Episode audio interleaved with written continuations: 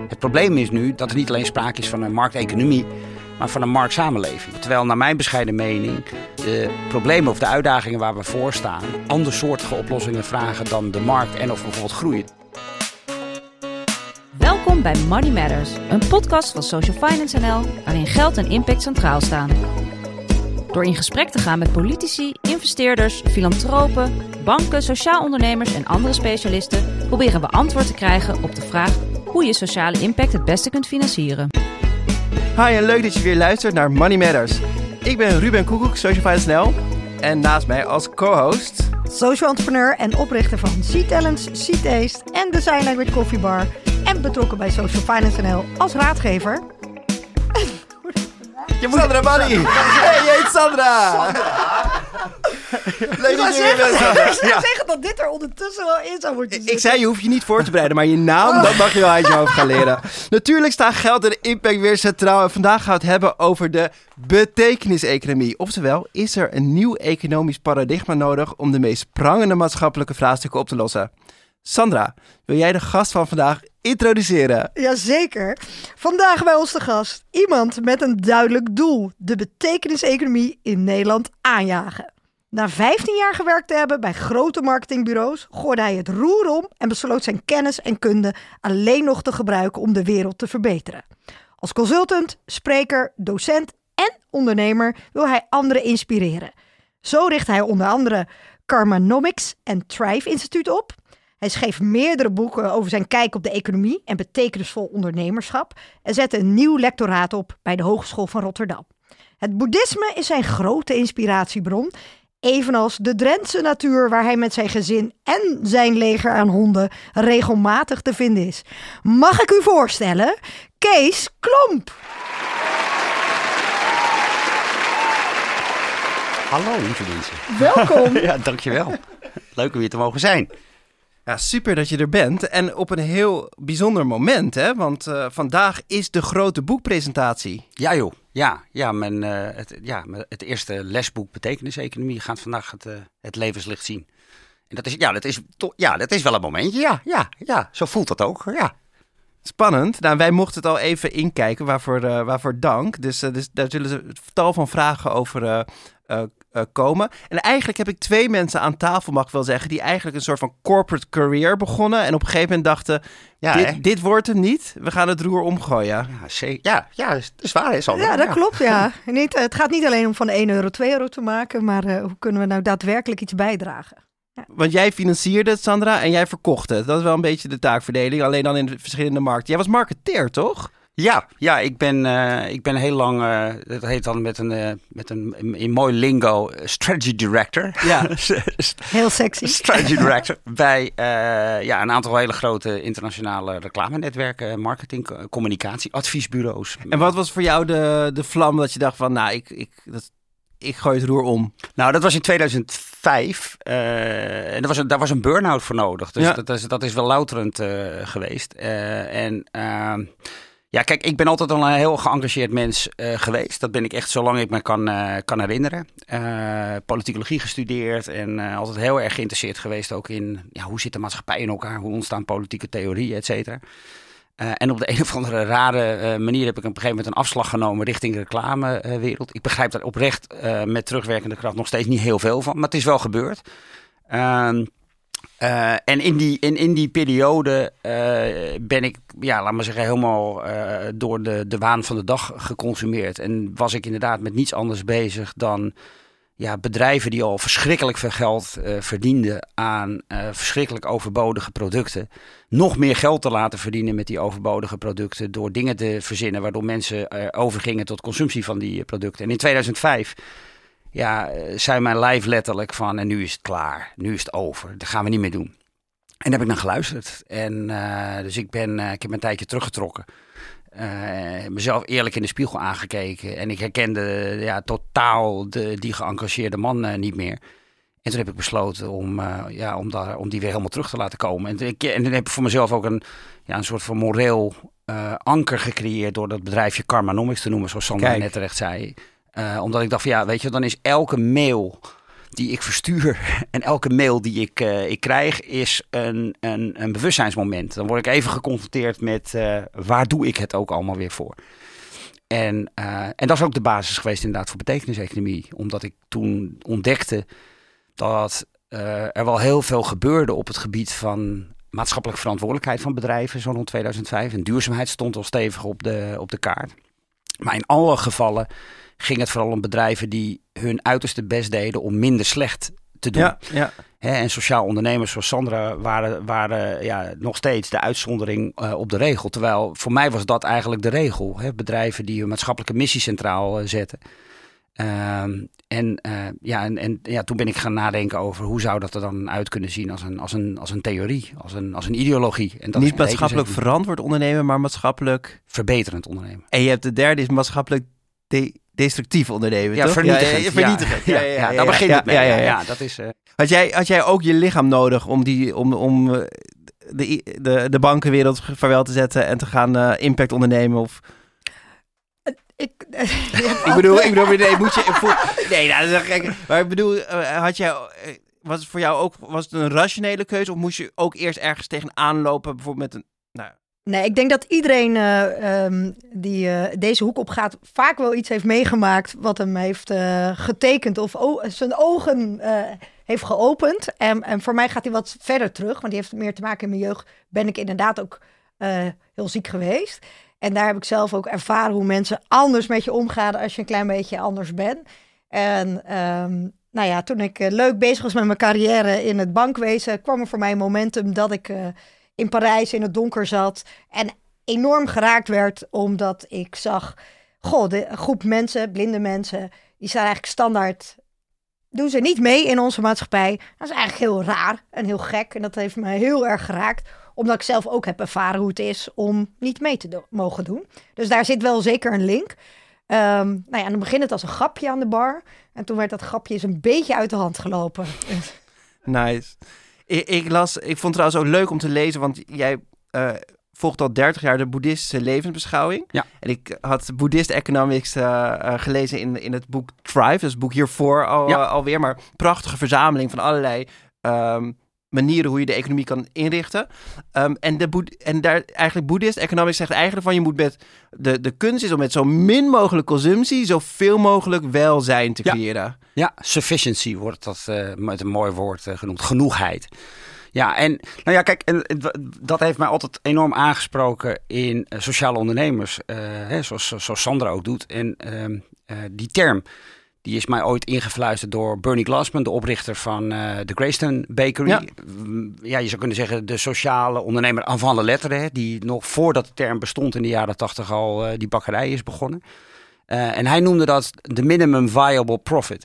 Dus hij zegt bedrijven moeten niet zoveel mogelijk winst maken als mogelijk, maar zo weinig mogelijk winst als zakelijk gezien verant- te verantwoorden is. Ja. Hè, want hij had toen al door dat de maatschappelijke waarde die door sociaal ondernemers eh, wordt gecreëerd, wordt gecreëerd met een surplus. Een surplus wat niet uit de zaak eh, wordt eh, gehaald en uit wordt gekeerd aan aandeelhouders, maar wordt teruggeïnvesteerd en wordt getransformeerd in andere waarden. Eh, en hij was eigenlijk de eerste die dat zo mooi eh verwoordde. En dat is wat sociaal ondernemers eigenlijk allemaal doen. Ja, en naar mijn bescheiden mening zou dat de norm moeten zijn. Willen wij een, een, een samenleving creëren waarin welzijn floreert in plaats van ja, welvaart voor enkelen. Kijk, en voordat we nog naar de, naar de volgende rubriek gaan, nog, nog één keer voor de, voor de luisteraar. Wat is de betekeniseconomie? Nou, de betekeniseconomie, ehm, zoals ik hem eh, na een dik een jaar eh, serieus onderzoek eh, heb kunnen definiëren, is een, ik noem het een existentiële benadering van economie. En wat bedoel ik met existentieel? Nou, er gebeuren twee dingen die wat mij betreft uniek zijn. Ehm, het is, ten eerste gaat het uit van de existentie, dus het levensbestaan. En in die zin is het een ecologische benadering van economie. Hè. Dus wat mij betreft kunnen we het niet over economie eh, hebben zonder de inachtneming van ecologie. Dus de verwevenheid van, eh, van al het leven. Eh, en het tweede wat er gebeurt, en dat is ook een hele wezenlijke, is dat het ook existentieel is op het persoonlijk eh, niveau. Dus het gaat, ook, het gaat vooral over de relatie tussen het levensbestaan en mijn levensbestaan. Hè, dus het koppelt heel nadrukkelijk de, de, de behoefte, de universele, intrinsieke behoefte die ieder mens heeft om, om van betekenis te zijn.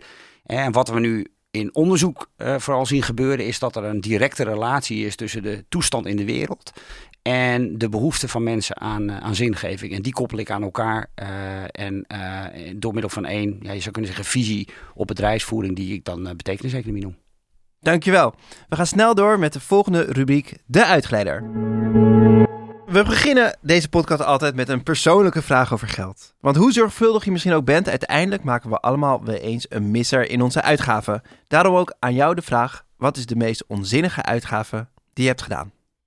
Nou, dat, dat, dat is ook een hele kostbare uh, uitgave geworden. En dat is een, uh, dat, dat is een auto. Uh, en ehm, het, op het moment dat ik vertrok bij het reclamebureau waar ik een, een, een, een, een dure leaseauto mm genoot, een Volvo V70 was dat volgens mij. en toen ging ik voor mezelf beginnen, Carmanomics. en, ehm, en dat was interessant, want blijkbaar kon ik toch dat hele materiële stuk destijds nog niet helemaal loslaten. Dus ik vond dat er wel een behoorlijke auto voor de deur moest staan. Uh, en die kon ik natuurlijk nieuw niet uh, betalen. Dus ik heb een tweedehands auto gekocht. En dat was, weet ik nog heel goed, dat was een, een, een Volkswagen Passat. met allerlei toeters en, en bellen. Veel te veel geld. En, en vervolgens is die, heeft die auto nog veel meer geld gekost. Omdat het echt een enorme miskoop was.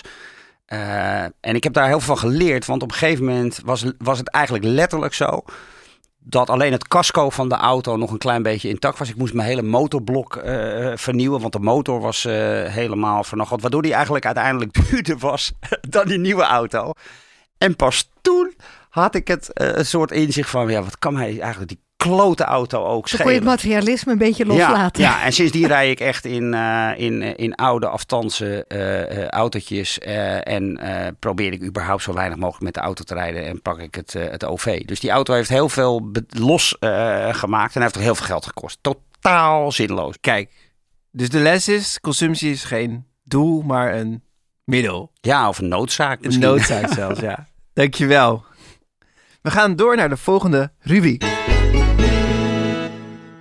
In deze podcast zijn we op zoek naar het antwoord hoe je sociale impact het beste kan financieren. En vandaag gaan we het hebben over de betekenis-economie. Een beweging die steeds groter wordt. Maar als je echt uh, een nieuwe soort economie uh, wilt creëren, dan moeten we ook kijken naar hoe we het onderwijs inrichten. Daarom de eerste stelling van vandaag. De klassieke economische opleiding is waardeloos. Ja, ik, dat ben ik met je eens. Dat is, het antwoord erop is ja. Uh, maar, enige nuance uh, daarin. Uh, kijk, er zijn een aantal dingen fundamenteel mis aan die economieopleiding. Dus het is heel makkelijk om daar een heel radicaal ja te schreeuwen. Ehm, wat, de reden waarom ik dat doe is, is, is, is. Enerzijds zie je dat het leeuwendeel van de studenten die economie gaan uh, studeren of economie krijgen uh, op school, leven in de veronderstelling, wat een illusie blijkt uh, te zijn, dat de economie die zij krijgen een soort van natuurwet is. Ja. Hè? Zo van dit is het. Ja. terwijl het in, in werkelijkheid de neoclassieke economische school is. Hè? En er zijn binnen de economische leer vele verschillende scholen. Mm -hmm. De marxistische economische school, de feministische economische school, de Oostenrijkse school.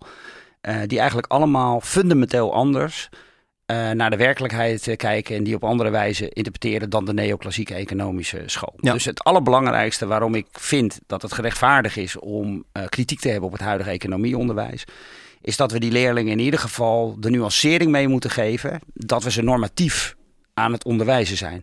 En ze hebben het idee dat ze objectieve economie krijgen. Dit is het. Ja. En ook neoclassieke economie is hartstikke normatief. Ja. En, uh, en, dat, en daar begint het mee. Dus daar moeten we eerlijk over zijn naar, uh, naar de studenten. En dan hebben we een tweede element wat, uh, denk ik, fundamenteel mis is met het huidige economieonderwijs. En dat is dat economie, het, het huidige economieonderwijs vooral bezig is met het bestuderen van wat er is. Hè, dat is ook wat wetenschap doet. Dus Ja. je neemt iets waar, daar uh, ontwikkel je een verklaring voor, een theorie, die ga je toetsen, valideren en dan uiteindelijk kom je tot, uh, uh, tot, tot inzichten en, en nou, die ga je dan reviewen en dan kom je uiteindelijk tot wetenschappelijke wetmatigheden. Niks mis mee. Het probleem is alleen dat een, een, heel belangrijk gedeelte van de oplossingen voor de problemen die zich aandienen, klimaatverandering, biodiversiteitsverlies, sociale ongelijkheid, niet zo heel veel opschieten met het bestuderen van wat er, wat er is, maar veel meer vragen om ontwerpideeën over hoe het eruit zou moeten, zou moeten zien. En dat is wat, wat Shint en ik ook hebben geprobeerd te doen in het, in het Thrive-boek. Mensen aan te dragen die eigenlijk voor een heel belangrijk gedeelte eh, bijna of geen enkele ruimte krijgen in het economische discours omdat men zegt, ja, maar dat zijn natuurlijk geen echte economen. Ja. Is terwijl het, daar is wel het- de oplossingen liggen. Is het in jouw beeld eigenlijk de, de fout in dat systeem dat het meer gericht is op het maximaliseren van aandeelhouderswaarde en dat dus eigenlijk de andere stakeholders eh, helemaal niet worden meegenomen in deze leer? Nou, kijk, de, de, de, de neoclassieke economische leer hè, gaat ervan uit dat wij allemaal rationeel opererende eh, eh, wezens zijn die louter uit zijn op eigen eh, belang. En eh, dat via de markt weten te bevredigen. Hè, dat is, eh, dat is de, de, de, basis van het neoclassieke economische gedachtegoed. En dat is in ieder geval iets waar je, als je het, als je het ideologisch bekijkt, eh, een discussie over zou kunnen voeren. Of de wereld daadwerkelijk zo in elkaar zit. Hè, maar als alles daarvan af wordt geleid, zoals nu het geval is, ja, dan is het dus ook geen wonder dat prijs en waarde eh, ongeveer hetzelfde zijn. En dat dus ook de economie niet meer is eh, ja, dan een, ehm, ja, een, materieel bolwerk wat louter moet groeien.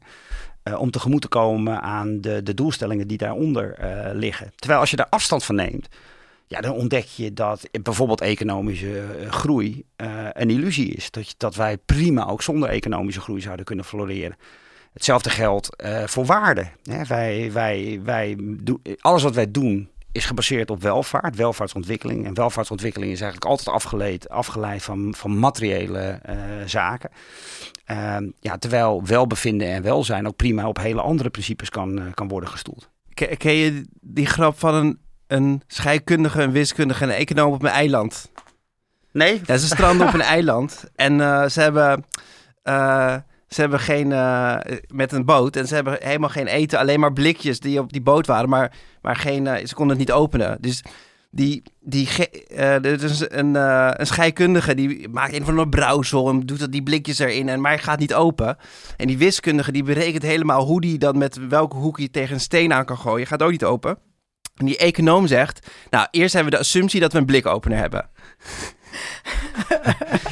Ja, ja. En de- de- dat, Ja, dat is, dat wel- is er wel, hè? Ja, ja, dat is hem. Dus nee, ik, heb, ik ben redelijk klassiek geschoold als econoom, dus ik herken dat wel. Ehm, Overigens is hier nog wel een, dat is wel heel belangrijk, Ja. eh, Ruben, met, eh, met je goed vinden. Kijk, er is wel, een, wel degelijk een verschil tussen eh, studenten aan de universiteit ja, die macro-economie gaan studeren. Ja. Want binnen die opleiding is er vaak nog wel enige of zelfs soms veel ruimte voor de pluralistische kijk op economie. ja. Binnen onze business school is dat zo goed als nul.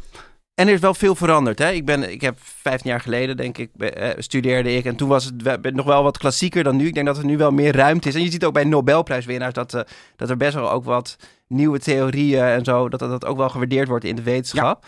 Ehm, maar je, je, die, die, dus ik, ik had hem ook scherp aangezet, de, de stelling van hij is waardeloos. Maar ehm, er zijn natuurlijk wel elementen die je heel goed kan gebruiken, ook om nieuwe problemen op te Tuurlijk. lossen, toch? Zeker. Ehm, ook wel het marktdenken. Vraag en aanbod. Ja. Want er zit wel Zeker. zeg Tuurlijk. maar, het utiliteitsbeginsel. Dus dat iemand zijn eigen utiliteit probeert te maximaliseren. Dat, dat, dat zie ik ook wel om me heen. Dat dat ook wel enigszins werkt. Zeg maar, de, Zeker, Ja. zeker. Eh, maar ook daarvoor geldt hè, dat als we dat nu maar pluralistisch aanlopen Ja. en mensen verschillende perspectieven aanbieden, ja, in plaats van dat ene perspectief wat dan zogenaamd een natuurwet eh, wet is, dan denk ik dat mensen buitengewoon gezonde afwegingen en beslissingen kunnen maken. Het probleem is nu dat wij niet alleen in een, eh, in een eh, dat er niet alleen sprake is van een markteconomie, maar van een marktsamenleving. Hè? Dus wij, Ja. er, is zo'n ontzettende dominantie van het economische denken. eh, en dus van de markt, dat er überhaupt geen ruimte is om dingen op een andere wijze aan te lopen. Terwijl, naar mijn bescheiden mening, de problemen of de uitdagingen waar we voor staan, andersoortige oplossingen vragen dan de markt en of bijvoorbeeld groei. Het idee van dat we ons uit een ecologische crisis gaan groeien, hè, dus dat, we, dat het, het probleem de veroorzaker van het probleem de oplossing is van het probleem. Dat is, dat is ja, ik weet niet wat er, wat er nog erger is dan boter op je hoofd. Maar dat is ongeveer wel waar dit op, uh, op neerkomt. Dat is buitengewoon onverstandig. Ja. En toch blijven we daarin vasthouden, omdat, dat, om, ja, omdat we denken dat, het, dat, dat dat moet of zo. Ik, ja, ik, vind dat, ik heb daar problemen mee. Ja, dan gaan we het zo ook over die groei, daar gaan we het zo heel uitgebreid over hebben. Ik, ik heb met enorm veel plezier je boek gelezen. Uh, Betekenis Economie, de waarde van verweven leven. Um, en dat, we gaan het niet helemaal behandelen, maar je moet gewoon het boek kopen bij een lokale boekhandel. En dan, uh, um, maar waar, waar, ik, waar, waar, wat mij opviel, is dat je eigenlijk ook wel uh, zegt, dus je beschrijft die verschillende tijden, de oertijd, agrarisch, industrieel, modern, ecologisch. Waarbij modern, uh, dat was de tijd van wetenschap, kapitalisme en vooruitgang. Ja. En ecologie is de tijd van bewustwording, mutualisme en verwevenheid. Ja. En daar vraag ik me af, maar die wetenschap, moet, die, moet je die niet meenemen? Zeg maar, het, zeg maar is het...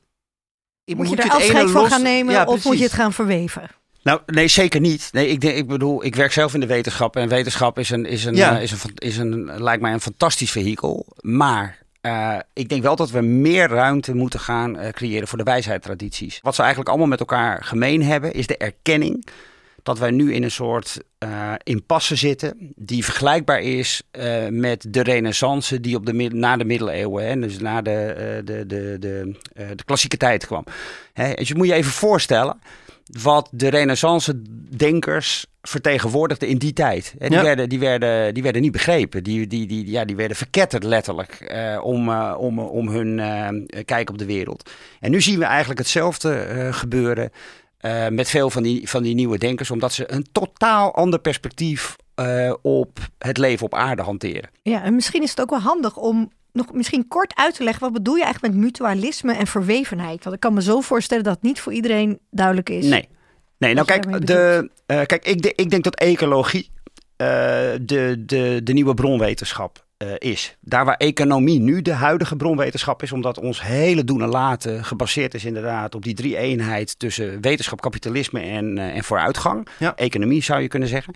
Uh, en we nu steeds nadrukkelijker ontdekken dat wij als soort voor ons voortbestaan 100%, maar dan ook echt 100% afhankelijk zijn van de kwaliteit van dat levensweb waar wij een onderdeel van zijn. He, we, we, in die moderne tijd die we nu afsluiten, zijn wij vergroeid met het idee dat wij als soort een speciale positie innemen. Dat wij boven de rest van het leven verheven zijn. En wat we nu eigenlijk leren door schade en schande is dat dat niet zo is. He, Einstein heeft het al gezegd, als de bij uitsterft, sterft vijf jaar later onvermijdelijk de mens ook uit. He, dat is een, dat, de biodiversiteit is geen boomknuffelaars luxe. Uh, of iets voor milieuactivisten. Dat zou is ons geen nice allemaal... to have, het is een need to have. Need to have. Essentieel, fundamenteel.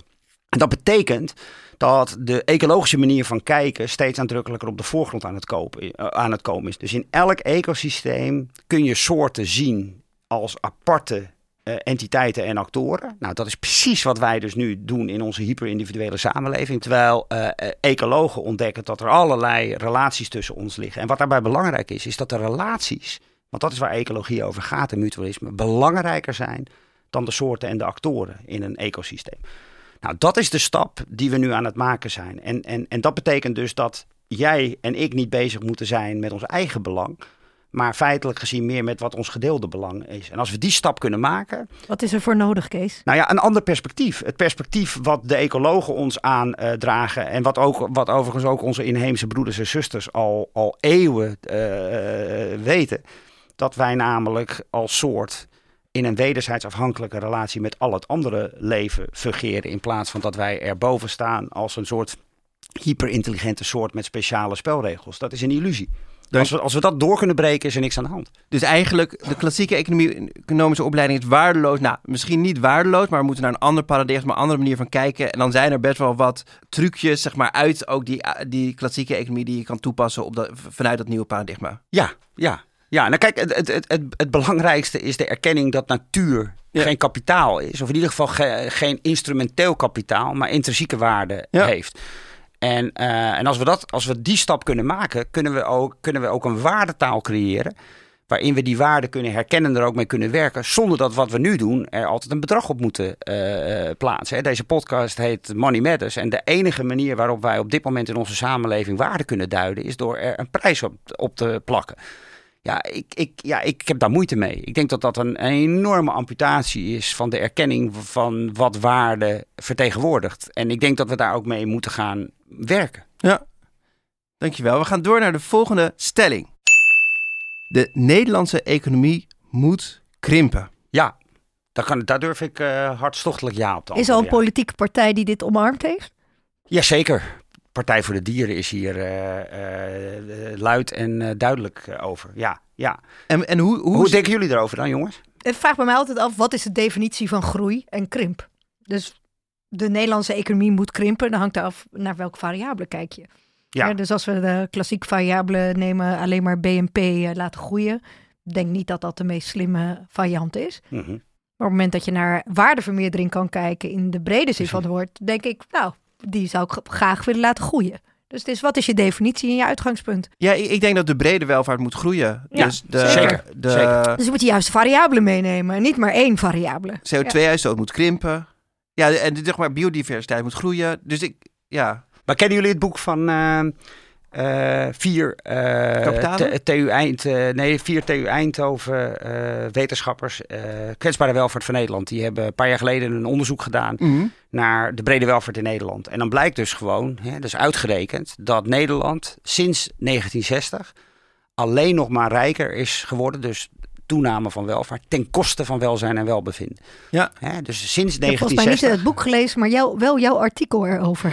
Ja, nee, maar het is, is super wonderbaarlijk dat ja, we dus al weten. Een mooie insight. Ja. ja we zijn en het, ik, wat ik wat ik daar helemaal stuitend aan vind, hè, als, je, als je gaat kijken naar die economie, die is dus sinds de jaren 60 ongeveer drie keer zo groot geworden. Dus we zijn 300 procent rijker. Op basis van BNP? Of, BNP, ja, dan, dan dat we in de jaren 60 uh, waren. En, uh, en tegelijkertijd is welzijn en welbevinden zijn niet toegenomen sinds de 1960. Sterker nog, de laatste paar jaren vertoont die een dalende tendens dus je kunt je voorstellen, dat, is een, dat, is, dat was ooit een heel klein kloofje. Dat is ondertussen de Grand Canyon uh, geworden. en ja, dat, je kunt dat op allerlei manieren duiden. Dat is domme groei, onnodige uh, groei, negatieve groei. Heb je nooit genoeg groei? Ja, het is, het is, in ieder geval, heeft het geen enkele functie voor waar een economie over zou moeten gaan volgens mij. Dat is welzijn en welbevinden. En ja. daar heeft Daily eh, belangrijk werk over uh, als econoom uh, over gepresenteerd. Maar is er, want dus eigenlijk wat we nu doen is BNP is we kijken hoeveel er geproduceerd wordt. Ja. Maakt niet uit wat, maar als er maar een prijs op zit en dat tellen we bij elkaar op en dat is het BNP en dan hopen we dat we 2% of 3% meer groeien dan het jaar daarvoor. Dus ik, ik denk dat we aan deze tafel dan wel een soort van consensus hebben. Ja eigenlijk totale onzin. Ja. Het, volgens mij is het ook bedacht het, tijdens de oorlog dat je gewoon zoveel mogelijk productie, zoveel mogelijk tanks en dan weer in oorlog. Maar dus zo gaan we deze oorlog niet winnen. Maar wat is dan wel de, de maatstaf? Hoe kan je meten of je groeit of, of het welbevinden uh, omhoog gaat? Zeg maar, kan je op zoek naar nieuwe, uh, nieuwe maatstaf? En we hebben eerder Bernard de Haar Michiel Scholte, die, ja. die uh, hebben het daar ook over gehad. Maar wat is, wat is in jouw Welke ogen de maatstaf die, die je ja, om, om te meten hoe goed het gaat? Nou kijk, ik maak een, een, een onderscheid. Ik creëer eigenlijk een drie-eenheid van welvaart, welzijn en welbevinden. Hè? Dus er zijn eigenlijk drie domeinen volgens mij waarop mensen waarde kunnen uh, creëren. Het eerste noemen we welvaart. En welvaart speelt zich vaak af in het materiële domein. Dus het is altijd materieel gerelateerd dus in essentie gaat welvaart is altijd een afgeleide van, van geld, om het maar even zo uh, te zeggen. Dat is één. Uh, en daarmee kunnen we waarde uh, creëren. En met dat geld doen we allerlei nuttige dingen. Ons hele, sociale, het, ons hele sociale systeem is gebaseerd op welvaart. Niks mis mee. ten tweede heb je welzijn. En welzijn definieer ik als objectiveerbare kwaliteit van leefomgeving collectief. Ja. dus dan, dan, moet je denken aan zaken als luchtkwaliteit, bodemgesteldheid, uh, sociale inclusie. Dat zijn allemaal indicatoren die iets zeggen over de kwaliteit van de omgeving waarin wij leven. Uh, maar ze zijn objectief. Dus uh, je kunt daar harde uh, conclusies aan ontlenen. En als laatste hebben we welbevinden. En welbevinden mm -hmm. is, onze, is onze persoonlijke waarde die we creëren. Geluk. Perceptie. En dat is perceptie. Dus dit is, die is subjectief. Dus die is per definitie niet objectiveerbaar. Hè, hoe jij, jou, jouw welbevinden is alleen maar afhankelijk van wie jij bent uh, en hoe jij hier zit. Hetzelfde geldt voor, uh, voor jou. Nou, en nou is, de, nou is de kunst om die drie te balanceren. Hè? Dus de kunst is, het zijn namelijk communicerende vaten. Ja. Hè? En, eh, en ik vind dat, een, een, dat dat onderzoek waar ik net aan refereerde eh, van de kwetsbare welvaart is een hele krachtige indicator dat het dus daadwerkelijk ook communicerende vaten zijn. Dus als wij in een samenleving eh, leven waarin we welvaart ontzettend belangrijk maken, wat we nu doen, dan betekent dat dus per definitie dat dat gevolgen heeft voor welzijn en welbevinden. Hè, die gaan onder water. Want als je die ene heel erg laat eh, eh, Ja. groeien en stijgen, ehm, dan betekent dat per definitie dat die andere eh, minder belangrijk worden. En dat heeft te maken met het feit dat wij onze huidige waardetaal gereduceerd hebben tot geld. Hoe je het ook, hoe je het ook eh, interpreteert en, eh, en, en uitdrukt. Hè. Dus de kunst is wat mij betreft niet zozeer dat we welzijn en welbevinden niet kunnen meten. Dat kunnen we namelijk al jaren. We kunnen biodiversiteit, bodemgesteldheid tot op de punt en komma nauwkeurig berekenen en uitdrukken. Het punt is alleen dat we er niet mee werken. Ja. Hè, we de enige manier waarop we er nu mee werken is, is zoals Michel Scholte, eh, zo, daar waar je net aan refereerde, momenteel doet. Hè, we, we, we rekenen die data uit en we rekenen het terug naar geld. Ja. En begrijp me niet verkeerd, ik denk dat dat een waanzinnig belangrijke, wezenlijke eerste stap in de goede richting is. Maar ik denk dat we voor een samenleving waarin welzijn en welbevinden net zo belangrijk worden dan die materiële welvaart eh, eh, waar, we, waar we nu op focussen, dat wij taal moeten gaan creëren waarin iets als biodiversiteit gewoon autonome waarden vertegenwoordigt in plaats van een En- omrekenmodule. moet- ja, wat moet er dan voor gebeuren? Nou ja, kijk, Dat het echt gaat gebeuren. nou ja, ik, ja, ik denk dat, dat dit niet anders eh, geregeld kan worden dan vanuit wet en regelgeving. Hè? Want er zijn al bedrijven. eh, ik, ik- ben zelf een enorm fan van Commonland. Willem Verwer daar. Nodig hem alsjeblieft ook een keer uit bij jullie in de, in de podcast. Hè, Willem werkt met de Four Returns. En, eh, en Willem eh, berekent dus bij Commonland eh, de financial return, de social return, de environmental return of de eco return en de individual return. En dat is geaggregeerde data. Dus hij gooit dat niet op een hoop en zegt je legt een euro in en je krijgt 1,20 Ja. euro terug. Nee, je legt een euro in, je krijgt 1 euro zoveel terug. Dat is de financial return. Je krijgt zoveel social return. Dan krijg je precies te zien wat er met die, met die euro gerealiseerd is in de dorpen. Als het gaat over sociale cohesie. Er wordt precies gerapporteerd wat er is gebeurd op het gebied van biodiversiteit. En iedereen die betrokken is bij Commonland accepteert die waarde als harde eh waarde. Dus niemand heeft de behoefte dat het wordt, weer wordt teruggerekend naar een bedrag waarin we kunnen zeggen: wauw, er is meer in eh, of er is meer uitgekomen dan dat erin is eh gegaan. Ja, precies. Want dat is een afspraak. Ja. Dat is een afspraak. Hè, dus de, ik, ik denk, ik, of ik, ik, wil, ik wil denken dat als wij morgen besluiten om biodiversiteit in het zakelijke eh, of in onze eh, regelgeving en beleidsvorming mee te nemen als harde, eh, harde waarde. Dat het daarmee harde, wa- eh, harde waarde is, eh, is geworden. Zou het ook kunnen komen vanuit aandeelhouders zelf? Jazeker, zeker. Maar dan, dan heb je aandeelhouders nodig die dus ook in waarde denken en niet alleen maar in prijs. Hè, het het leeuwendeel van de aandeelhouders is vooral geïnteresseerd in financieel rendement. Hè, je, je investeert in een bedrijf om er financieel beter van te worden. En da- daarom, daarom vind ik het ook moeilijk om een soort vinger te wijzen en een soort schuldige aan te wijzen. Want we zitten namelijk allemaal in dit systeem. Ik bedoel, het is niet dat een, het is niet dat een aandeelhouder per definitie een slecht mens is omdat hij een financieel rendement eh, wil slaan. Dat zou belachelijk eh, zijn. Ik vind dat buitengewoon logisch. Eh, dus daarom hebben we denk ik ja, nieuwe middelen nodig om die, om die, om die waarde harder te. Harder te kunnen rapporteren. Ik, om een voorbeeld te noemen. Ik, ik, ik heb laatst mijn studenten op pad gestuurd om een halfje volkoren te kopen met biodiversiteit. En, eh, en dat lukt natuurlijk niet. Maar wat wel gebeurt, is dat al die studenten terugkomen eh, na een paar uur. Want hoe doe Eh, je dat praktisch? Dat dan... nou, gewoon, ik zeg, jongens, ga het eens proberen. Ja, ja, ja. Hè, dus ga eens naar de winkel en probeer eens een halfje volkoren te kopen met eh, biodiversiteit. Hè, om ze uit te lokken, om na te denken over wat is nou de waarde van biodiversiteit. Nou ja, dat levert dus eigenlijk, eigenlijk in geen enkel, eh, zonder enige uitzondering, super geanimeerde gesprekken op. Ja, bij de bakker. Bij de bakker. Ja. Eh, met andere klanten en met eh bakkers. Ja. Want iedereen herkent en erkent de waarde van biodiversiteit. En iedereen komt dan ook tot de conclusie, ja wat raar eigenlijk.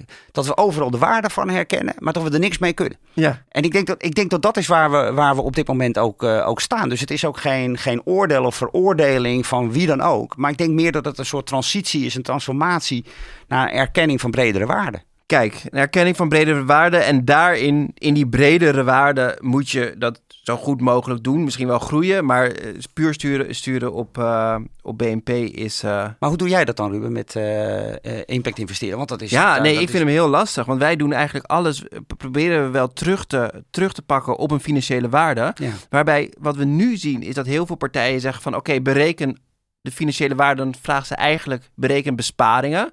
Dus als iemand niet uh, een valpreventieprogramma breekt iemand niet zijn been, hoeft hij niet naar het ziekenhuis, geen, hulp, geen heupoperatie. Maar eigenlijk wat je moet doen is van oké, welke waarde kan ik tastbaar maken. Zien, zien bij een mevrouw die langer kan thuiswonen en weer nog, nog naar, naar arts kan met, uh, met haar kinderen, weet je. En daar een meer subjectieve waarde. Maar uiteindelijk moet je wel afrekenen of zo. Dus ja, nee, het is alles... super complex. Ja, ja. ja. Dus dat... Ehm, ik herken het ook. Hè. Heel veel mensen, oh, ik wil graag uh, investeren in, de, in, in de, hè, de bredere waarde. Maar bij puntje, bij paaltje of bij de contractfase gaat het eigenlijk 95% over welke besparing, welke het, het, monetaire, het financiële element. En de rest wordt een goede bijvangst gezien en een mooi verhaal en uh, fantastisch. Worden mensen heel enthousiast van. Maar we zijn er nog niet, denk ik. En, en we spraken ook Wouter Bos van InvestNL. Die hij noemt zichzelf een impact investor. Maar uiteindelijk zegt hij ook... ja, uiteindelijk moet ik aan de Kamer wel laten zien... dat ik niet al het geld verloren heb. Maar hij hoeft niet te laten... Hè, het, hij wordt minder hard beoordeeld in dat hij geen impact heeft gemaakt eigenlijk. Dus, dus voor, voor impact investing is het... er wordt steeds meer aan gewerkt. Ook dat de carry, dus wat je de bonus die je eigenlijk krijgt, dat gebaseerd is op, op impactwaarde. Maar uiteindelijk blijft het heel, heel zacht. En de financiële waarde altijd heel hard. Ja, maar toch is dat raar, vind je niet? Ja, dat is, ja omdat we in het systeem zitten van het oude systeem zitten en nog niet in het nieuwe. Ja. En daarop ook worden bevraagd en gerapporteerd. En hè, vanuit ook de toezichthouders die eromheen zijn. We zijn bijna aan het eind gekomen van onze podcast. En we sluiten altijd af met een persoonlijke vraag. Je hebt al een aardige carrière achter de rug. Ehm, met een duidelijk omslagpunt. Maar wat is voor jou niet de rode draad, maar de impactdraad die door je carrière loopt. Ja, dat is dan dat is toch denk ik de erkenning van intrinsieke motivatie. Uh, en daar, daar spitst mijn uh, onderzoek uh, op dit moment ook bij de hogeschool zich op. Hè. Dus ik kom steeds meer tot de conclusie. Dan kijk ik ook even Sandra aan, want ik denk dat jij, daar, dat, jij dat ook zult herkennen. Dat, um, dat de, het feit dat je je op een bepaalde manier gedraagt uh, geëngageerd, prudent, welk woord je er ook voor wil uh, gebruiken. Altruïstisch, ook een, woord wat wel eens wordt uh, gebruikt. Ehm, van een wezenlijk andere intensiteit is als hij voortkomt uit eigen beweegredenen. En ik, en ik heb ondertussen, dat weet Sandra ook, honderden sociale ondernemers gesproken en geïnterviewd. En eigenlijk zonder enige uitzondering zie je dat interne, die intrinsieke motivatie, die intrinsieke motivatoren de boventoon uh, voeren. En ik denk dat dat, dat iets is wat mij, wat mijzelf ook drijft. Maar ik geloof ook oprecht dat dat de sleutel is om een maatschappelijke transformatie en transitie te bewerkstelligen. Ik denk niet dat we er komen met allemaal van die extrinsieke prikkels in de vorm van wet en regelgeving. En eh, dat wat, in het, wat eigenlijk wat economie is. Hè? Het is gewoon prikkelen en uh, in positieve zin en negatieve zin. Ik denk dat dat allemaal uh, uiteindelijk een zeer beperkte werking uh, heeft. En dat we veel meer naar de binnenkant moeten bij mensen. En moeten erkennen dat een betere wereld binnen in jezelf begint. En niet bij jezelf. Sandra, wat neem jij mee uit, uh, uit deze podcast? Ik, ik neem weer heel veel hoop mee voor de toekomst. zeker, ik vind het heel mooi dat er nu ook eindelijk een boek is waarmee we de nieuwe studenten ook daadwerkelijk wat breder kunnen opleiden. Um, wat ik vind wat een essentieel onderdeel is van onze maatschappij. Daar begint hij. Ik denk ook wel dat we nog steeds wel wat werk te doen hebben. Om echt die grote shift te maken. Van BNP naar meer variabelen. Ja, is key. Absoluut. Maar begin bij jezelf en bij je intrinsieke motivatie. Um, dankjewel, uh, Kees. Um, en goed te benoemen, de betekenis-economie, de waarde van verweven leven, uh, is vanaf vandaag, denk ik. Ja, ja, ja vandaag, ja, vandaag, vandaag uh, uh, kan je het uh, bestellen en lezen. Zeer de moeite waard. dankjewel ook Sandra als co-host, ABN AMRO en het Oranje Fonds voor het mede mogelijk maken van de podcast. die, die, hebben toch wel echt ja, geld gestort. Maar, ja, hoort er allemaal bij. Ja, ja, tegenwoordig is dat waarde. Ja, ja, ja. um, en productie Daniel van der Poppen, redactie Daphne Splegger en Nina Berkelo. En wil je niks missen van deze reeks, abonneer je dan nu via je favoriete podcast-app. Bedankt voor het luisteren.